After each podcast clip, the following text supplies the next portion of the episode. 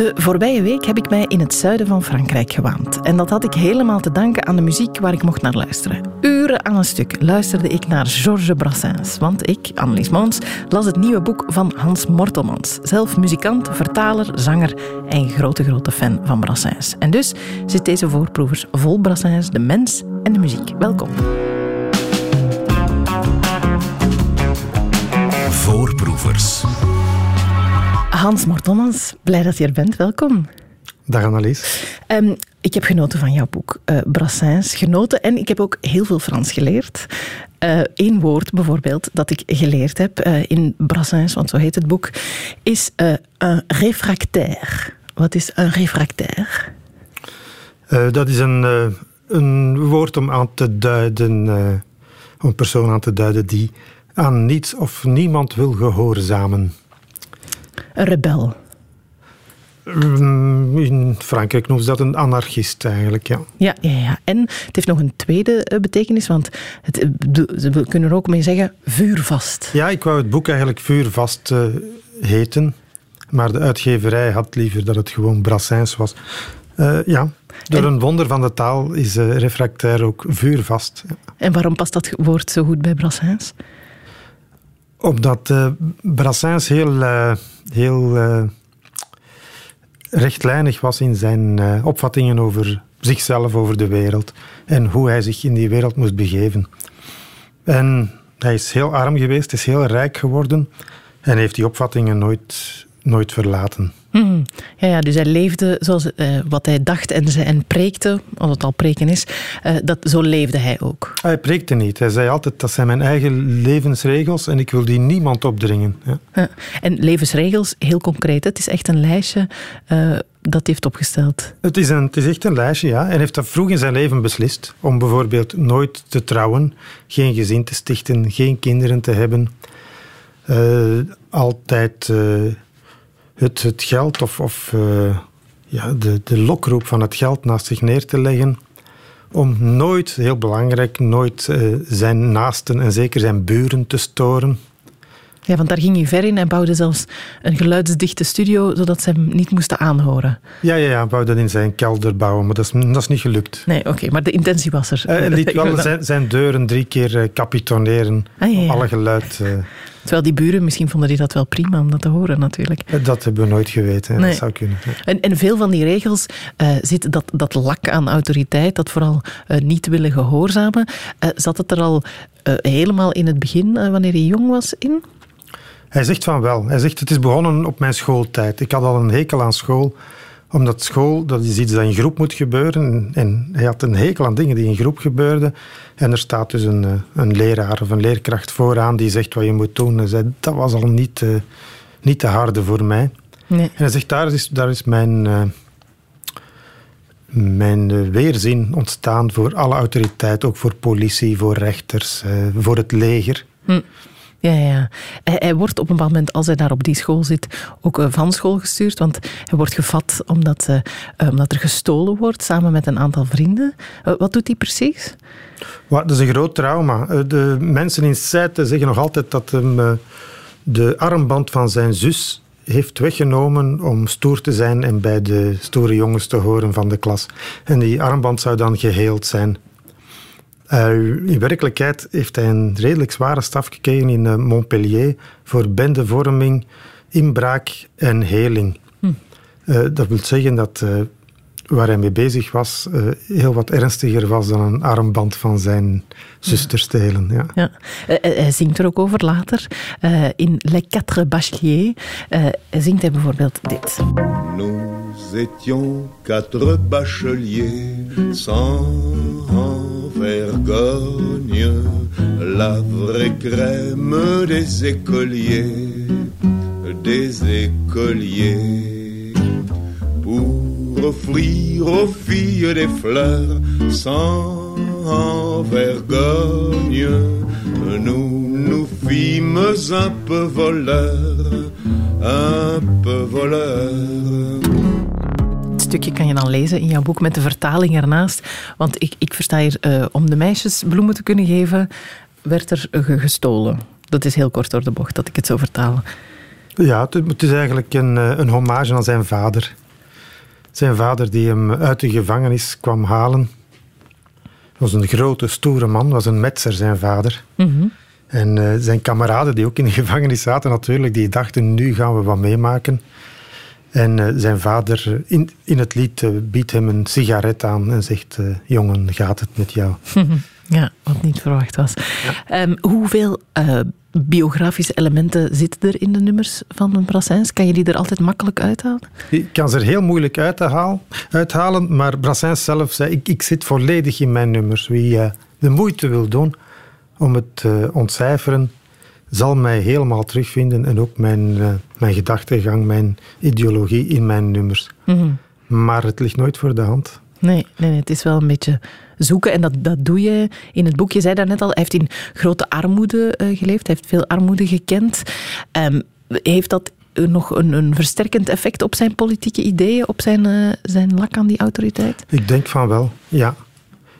zeker de naoorlogse periode, periode na de Tweede Wereldoorlog, was echt ellendig voor heel veel mensen in Parijs. en dat op het moment dat de winkels terug begonnen dingen te verkopen, dikwijls tegen heel hoge prijzen. Uh, bier en wijn werd ook heel duur verkocht in, uh, in de cafés. En hij heeft daar echt openlijk tegen geprotesteerd. Enfin, openlijk. Hij heeft uh, in het anarchistisch blad Libertaire daar artikels over geschreven. Onder een schuilnaam weliswaar, anders ja, Anders werd hij gewoon opgepakt natuurlijk. Ja. En hij moest zich ook verstoppen, uh, want hij was eigenlijk ook deserteur, las ik in jouw boek. Uh, ja, hij is opgeroepen, ik denk als eerste lichting voor de verplichte tewerkstelling in Duitsland. Uh, onder de oorlog zat Frankrijk onder het Vichy-regime en die hadden er niet beter op gevonden dan alle jonge mannen naar Duitsland te sturen voor verplicht daar te werken. Uh, en dat heeft hij dus ook gedaan. Hij is vertrokken naar uh, uh, de BMW-fabriek tegen Berlijn. Heeft daar één jaar BMW-motoren gereviseerd. En dan heeft hij het klaargespeeld om verlof aan te vragen. En hij is niet meer teruggekeerd naar dat verlof. Hm. En dan is hij ondergedoken op een voor Brassens-liefhebbers zeer bekende plaats, de Impasse Florimont. Het is een bijna onvindbaar steegje in het 14e eh, arrondissement. En daar woonde Jeanne Planche. En Jeanne Planche, daar had hij eigenlijk al zijn zinnen op gezet voor hij vertrok naar Duitsland. Is een, een vrouw die 30 jaar ouder was dan hem. En waar hij een, eh, een liefdesrelatie mee had. Ja. Mm. En hij, hij, woonde daar, maar haar man uh, woonde daar ook nog, hè? Ja. ja dat, dat, uh, nee, hij krijgt daar een kamer en hij mag niet buiten komen, want hij is een deserteur. Klopt. Dus gaat hij aan het studeren. Ja, hij studeert zich te pletter. Ja. ja. want eigenlijk qua muzikale voorkennis op dat moment, kan hij al uh, goed gitaar spelen zoals hij dat later doet? Of dat, dat leert hij allemaal vanaf dan?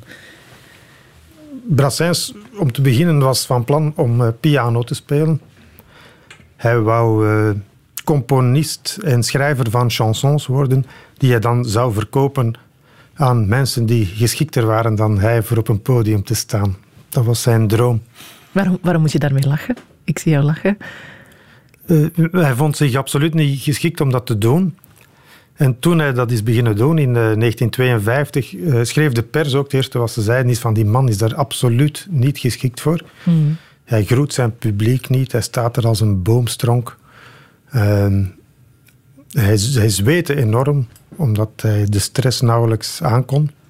Dus hij is eigenlijk in een, uh, ja, in een métier gekomen waar hij niet voor gemaakt was. En juist dat verklaart zijn succes, denk ik. Ja. Ja, ja, net omdat hij het misschien niet wou, of toch niet in het begin. Uh, nee, en omdat dat heel veel indruk maakte, denk ik, op de, op de toeschouwers in die tijd. Ja. Ja, want eh, als het over studeren gaat, dan gaat het over heel veel uh, poëzie lezen. Dat, dat las ik ook in jouw boek, dat hij heel veel gedichten uit het hoofd kon, kon opzeggen altijd. Zijn kennis van de literatuur moet ongelooflijk geweest zijn. Hè? was echt ongelooflijk, ja. Ja, want dat, dat voel je dan bijvoorbeeld in referenties in de nummers? Of? Ja, constant. Ja, ja. ja absoluut. En dan gaat het naar... Wat zijn zo zijn grote voorbeelden? Uh, Villon, de, de laat-middeleeuwse dichter Villon, vond hij interessant. Onder andere ook omdat hij uh, uit Parijs is moeten gaan uh, lopen, omdat dat een misdadiger was ook. Hmm. En die referentie met zijn eigen leven, dat vond hem wel... eh, Ja. ja. Ja, ja, dus hij ging zelf ook wel op zoek naar dat soort En verder, figuren. ja, eh, De La Fontaine had hij grote bewondering voor, die eh, eigenlijk fabels heeft geschreven op rijm. Ja.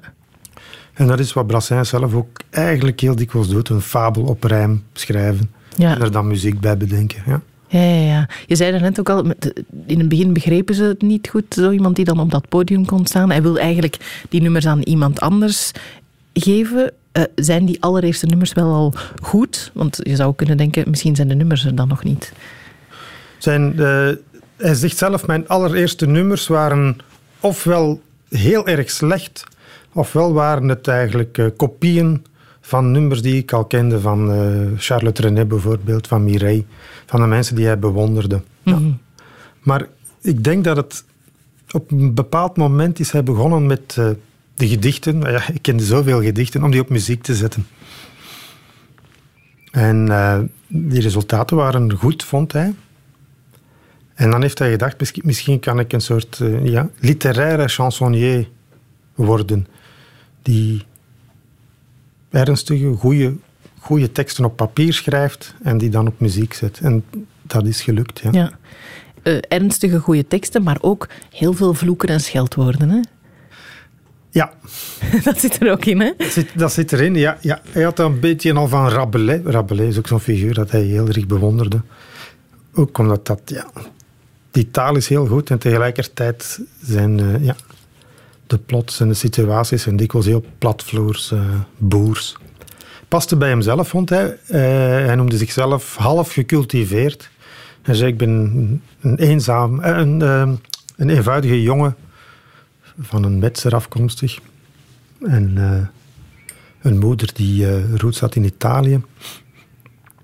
En hij zei, ja, ik, ik, ik ken niet zoveel van cultuur, ik ken alleen maar heel veel van literatuur. Waar waren we gebleven? Bij zijn, bij zijn scheldwoorden.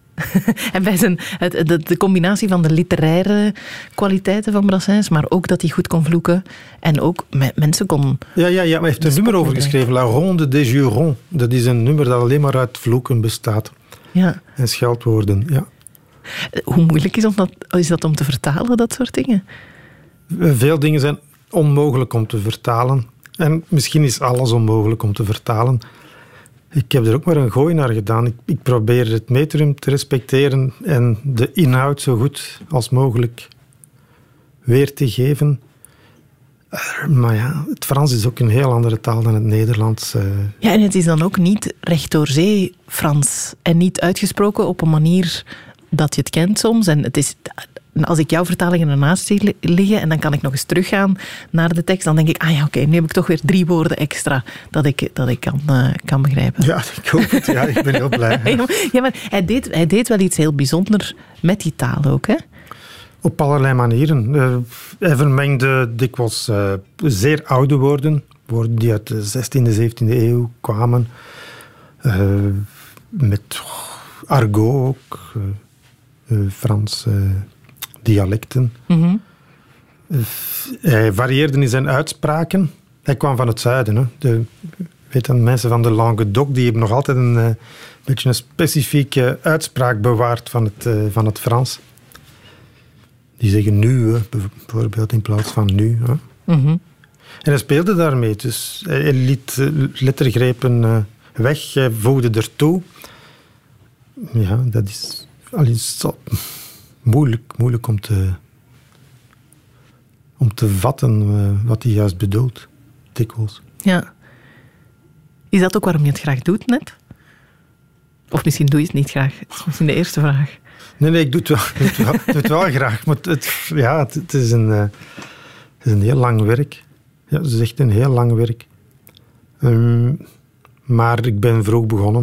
Ik ben rond mijn twintigste begonnen met dat te doen. En dat was omdat ik de muziek van Brassens heel mooi vond. En geen jota verstond van zijn teksten. Hmm. Heb je Frans geleerd dan dankzij Brassens? Ja, dat kan je zeggen, ja. Ja.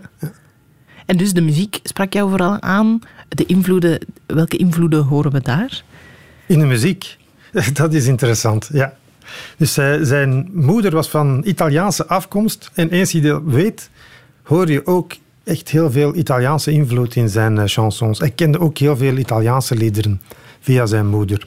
Ja, want hij schrijft, je schrijft ergens, zijn jeugd was een, heel, was een zangfeest. De, de hele tijd werd daar thuis gezongen. Ja. Het was ook een typisch Italiaans gezin waar de grootouders eh, nog uh, samen wonen met de ouders en de kinderen. Dus er, werd, er was één grote familie die daar onder één dak woonde. En die familie was, zoals Italianen zijn, zeer luidruchtig en heel muzikaal. Ja. Hm. Dus veel Italiaanse invloeden zitten er in de muziek, maar ook veel Django Reinhardt, schrijf je. Ja, ja en dat is een beetje miskend. Maar uh, van in zijn jeugd was Brassens een grote liefhebber van Django Reinhardt. Had al zijn platen verzameld. En hij oefende ook. Als hij een gitaar had, hij, hij wou eigenlijk piano spelen. Mm Maar rond 1945 eh, heeft hij toch zeker een gitaar. En heeft die gitaar eigenlijk om Django Reinhardt uh, na te spelen. Niet om op een podium te staan, want hij wou hij niet. Uh, en hij probeert dat. En dat lukt in beperkte mate. En uh, ja, het metier dat hij daarmee heeft opgebouwd, daar heeft hij zichzelf mee begeleid. Mm -hmm. Maar hij heeft dat altijd jammer gevonden dat hij niet meer gitarist is geweest. Ja. En op een bepaald moment is hij zo bekend vanaf uh, ja, 1953, 1954 is hij zo bekend. Wordt echt achtervolgd door de, door de persmusketen. Uh, staat in alle boekjes, in de Paris Match en zo. Hij zegt, ik kan het me niet meer permitteren om nu nog uh, gitaar te gaan studeren of gitaar te leren bij een gitaarleraar. Want dan gaan ze zeker schrijven dat ik geen gitaar kan spelen. Dus het is gebleven bij wat het was. Ja, maar dan had hij Maar van. die invloed van Django Reinhardt zit wel in zijn liederen en ja. in zijn composities, zeker. Ja, ja die, dat, dat swingende, eens je daarop begint te letten, dan, dan zit dat in heel veel van die nummers. Hè? Ja, zit er echt in. Die jazz, en, waar je misschien niet meteen aan, als leek aan denkt als je die muziek hoort, um, uh, maar wel als je, als je jouw boek leest. En dat was de reden dat hij ook een contrabassist wou hebben. Hij was een van de eerste die met een gitaar op het podium klom in, uh, in Frankrijk. Uh, er was Felix Leclerc, die kwam van Canada. Dat was eigenlijk de eerste. Mm -hmm. uh, maar in Frankrijk was hij de eerste troubadour met een gitaar. Hij wou dat ook, als een soort eenmansorkest. Maar dan vond hij, dat heeft geen swing genoeg. Dus ik moet toch op zijn minst een contrabassist hebben die de boom-boom kan doen. Waardoor er toch een een foxtrot, zoals hij het uitdrukte. Ja, mee op het podium komen. Want als je op zo'n moment, als het dan in het begin was het allemaal, vonden mensen het wat gek, maar als je in die latere jaren naar een concert van Brassens ging, dan was er die contrabassist. Wat, wat, hoe stond hij op dat podium? Wel, Brassens, heel veel van zijn nummers gaan over de eenling en, en de eenzaad die dikwijls veroordeeld wordt door de meute. En, en hij dacht, ik kan daar niet mee in orkest gaan staan. Ik ben namelijk een...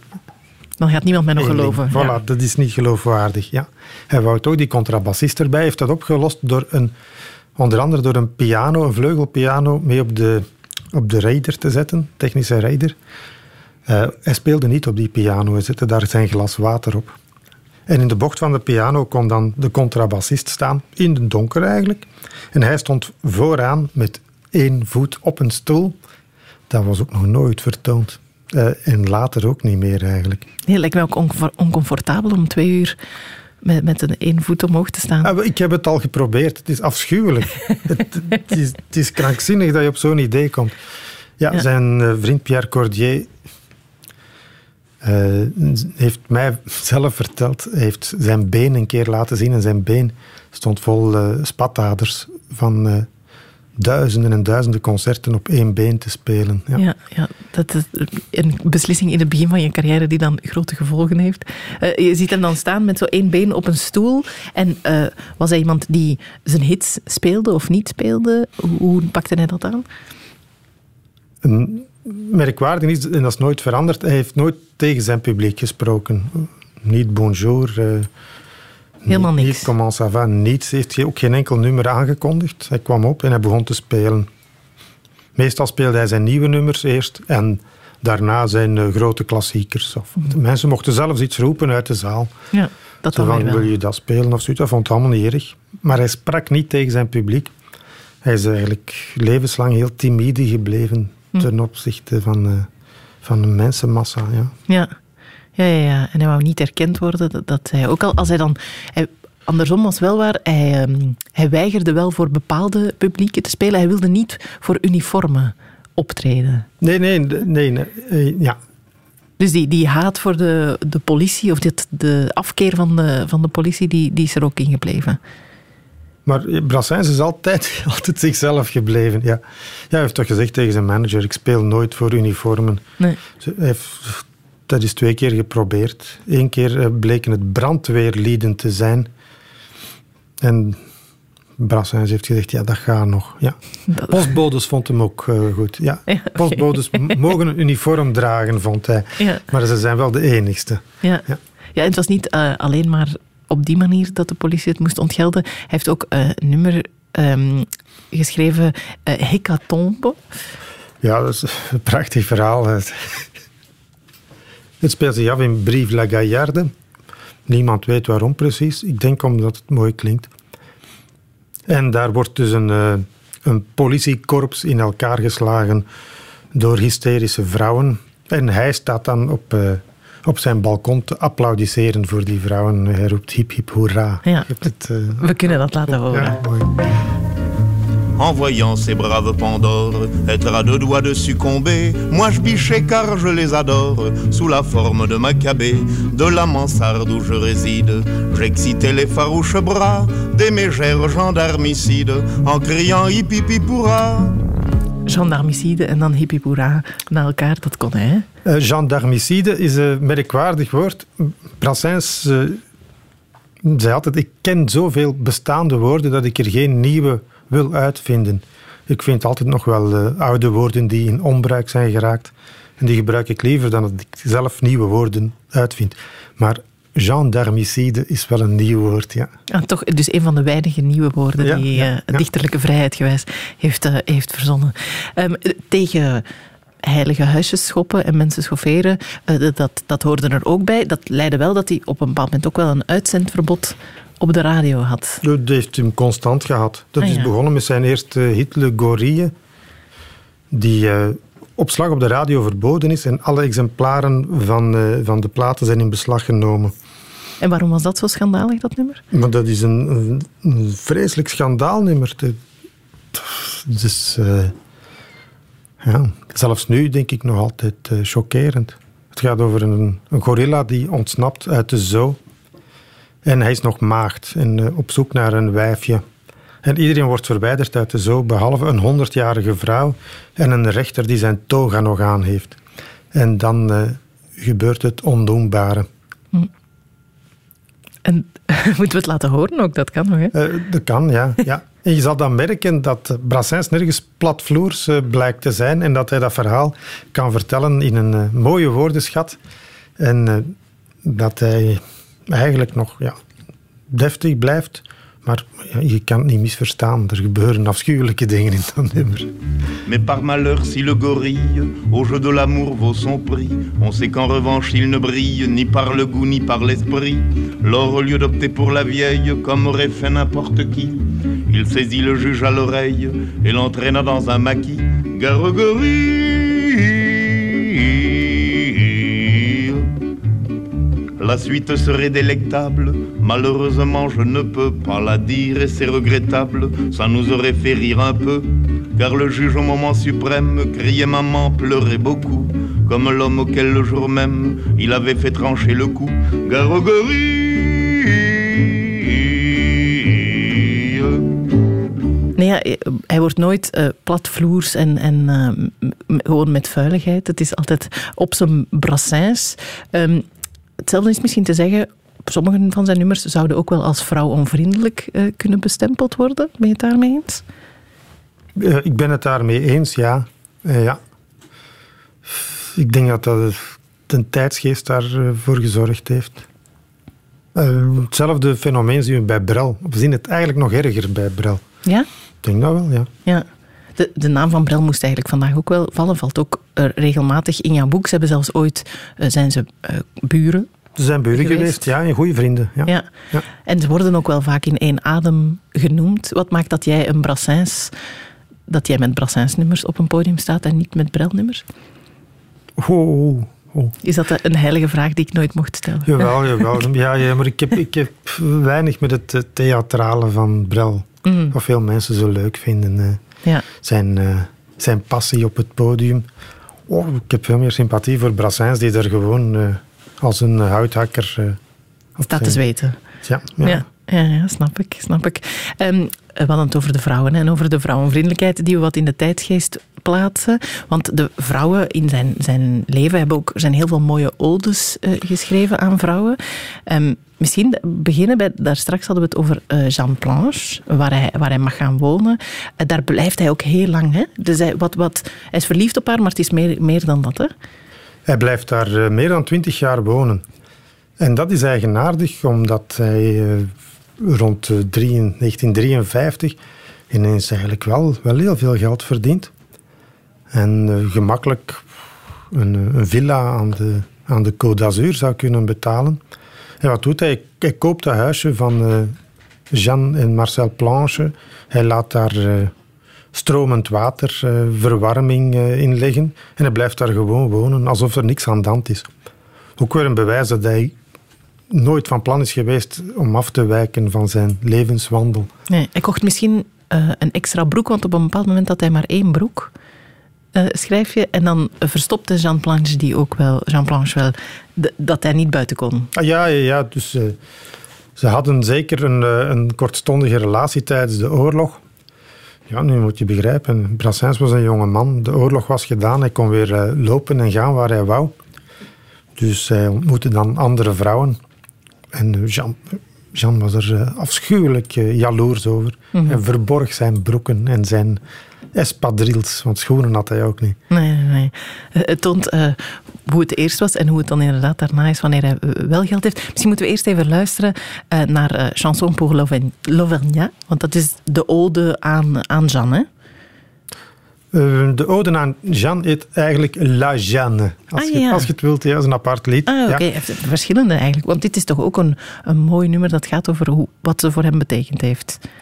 Ja, dat is eigenlijk opgedragen aan het, aan het koppel, aan eh, Marcel en Jeanne Planche. Ja. Die helemaal niet uit de Auvergne kwamen. Nee, maar dat ging beter in het rijm, hè? Ja. dat was het. Elle est à toi cette chanson, toi l'Auvergnat qui sans façon m'a donné quatre bouts de bois quand dans ma vie il faisait froid. Toi qui m'as donné du feu quand les croquantes et les croquants, tous les gens bien intentionnés m'avaient fermé la porte au nez. Ce n'était rien qu'un feu de bois, mais il m'avait chauffé le corps. Et dans mon âme il brûle encore, à la manière d'un feu de joie. Fantastisch nummer, eh, eh, vind ik deze ook. Staat ook in, in jouw boek, Brassens, Hans- Mortelmans. Ehm, die gulheid, waar we het ook al heel even over hadden, die, die heeft mij heel erg verbaasd in jouw boek. Hoe meer ik las in jouw boek, hoe meer bleek. Hij was ongelooflijk vrijgevig ook, hè? met dat geld dat hij niet per se wou. Ik zal u iets vertellen, die gulheid heeft mij ook verbaasd. Ja? Ja, ik wist ervan, maar hoe meer bronnen ik raadpleegde, hoe meer ik verwonderd was. Hoe ver hij ging in die gulheid. En, ja, dat is, eh, Ja, want kan je wat voorbeelden geven? Buitensporig. Ja, om te beginnen heeft hij al eh, huizen gekocht voor, voor al zijn vrienden, voor iedereen die deel uitmaakte van zijn personeel. Je moet je voorstellen dat er iemand bij u komt poetsen en dat je zegt... eh, oh, Hier is een huis. Het is heel proper, je krijgt een huis van mij. Dit Ja. is, het is ongeveer in, ja, Ja. in die zin. Ja. Ja, ja, en ik herinner mij autobanden die plots vervangen werden bij mensen. Dat, is een, dat is ook een mooi verhaal. Ja. En dan moet ik nog eh, spreken over de heel veel checks dat hem heeft achtergelaten eh, in eh, instellingen voor jongeren, voor ouderen. Ja, ik, las, ik heb de quote opgeschreven omdat ik hem zo goed vond. Brassens was erg nonchalant. Vaak liet hij per ongeluk zijn volledige gage van een concert achter in een instelling voor behoeftige jongeren. Op voorwaarde dat niemand het had gemerkt. Mooi, hè? Ja, supermooi. Ja. Felix Leclerc heeft dat geschreven. Ja. Ja, het is, het is ongelooflijk om te merken dat hij, hij wil dat iedereen kan delen en iedereen die het nodig heeft, dat hij dat krijgt. Wat het dan wel een beetje zuur maakt wanneer hij sterft en hij zijn huis openstelt voor zijn vrienden, dat die allemaal iets mogen komen pakken. Uh, om hem, om hem te herdenken, zal ik het zo noemen, dan, dan gaat het er niet zo heel fijn aan toe. Hè? Nee, dat loopt een beetje als een rode draad door, door het boek. Omdat uh, ja, in het eerste hoofdstuk is hij zelf een, een boefje. Ja. Dan krijg je het verhaal van uh, de molen, die hij met zijn uh, vrienden en ook met zijn vader, die metser was, uh, verbouwt. Eens dat die molen goed en wel klaar is, komt er een, een, grote woonwijk vlakbij. En hij zegt, ik wil niet, ik wil niet zo vlakbij mijn woonwijk wonen. Dus hij verlaat die molen. Maar al die mensen die daar een huis zijn aan het installeren, die komen een keer kijken in die molen. Ze breken dan een keer binnen, nog een keer. En op een duur wordt heel die molen wordt leeggehaald. De verwarmingsinstallatie, de radiators, eh, de kranen. Door al die doe-het-zelvers die daar eh, hun eigen huis aan het zetten zijn. Dus de eerste keer dat, dat het boefje zelf bestolen wordt. Hmm. En de tweede keer gebeurt eigenlijk wanneer hij zijn huis openzet, testamentair. En iedereen een aandenken mag meenemen. En er zijn er die met een verhuiswagen komen en alles buitensleuren wat ze maar te pakken kunnen krijgen. Ja. Maar er zijn er ook die één boek, of misschien om eh, de cirkel rond te maken, een armband uh, alleen maar meenemen. Die zijn er ook, hè? Die zijn er ook geweest. Er zijn ook mensen die niks hebben meegenomen. Ja, ja, ja. Kijk, Hans Mortemans, ik, zou nog, ik heb hier nog een lijstje van ongeveer 400 andere dingen die ik met jou kon bespreken. Want het is een heel rijk boek vol verhalen uh, waarmee je Brassens beter leert kennen, zonder alleen maar anekdotes te zijn. Het is een, een, ik vind het een heel mooi boek geworden. Dankjewel. Ja. Het is al gedaan, of wat? Ja, oei, oei, oei. jammer hè. Hans Mortemans, dankjewel voor je boek en de podcast die erbij hoort, Brassens. Uh, die is ook te vinden op Spotify en uh, platformen waar je podcast vindt. Net als voorproevers trouwens. Veel meer afleveringen van ons vind je ook op VRT Max.